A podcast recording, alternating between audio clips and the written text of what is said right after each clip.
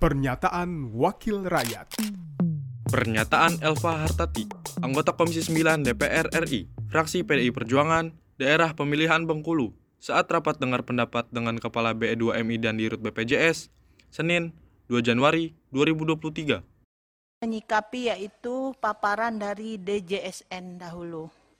Dalam survei tahun 2021 disebutkan bahwa masih banyak permasalahan mendasar terkait jaminan sosial bagi PMI. Seperti PMI tidak melakukan klaim dengan permasalahan mendasar seperti kurang informasi serta akses. Dan ketika klaim diajukan pun tidak bisa diproses karena kesalahan administrasi dan lain sebagainya. Frekuensi kejadian pun cukup mengkhawatirkan. 70% bahkan hingga 90% untuk tahun 2022 ini terdapat banyak yang tidak bisa mengklaim.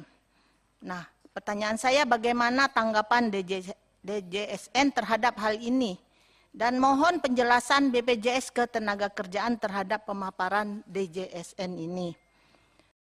Pernyataan Elva Hartati, anggota Komisi 9 DPR RI, fraksi PDI Perjuangan, daerah pemilihan Bengkulu, saat rapat dengar pendapat dengan Kepala BE2MI dan Dirut BPJS, Senin 2 Januari 2023.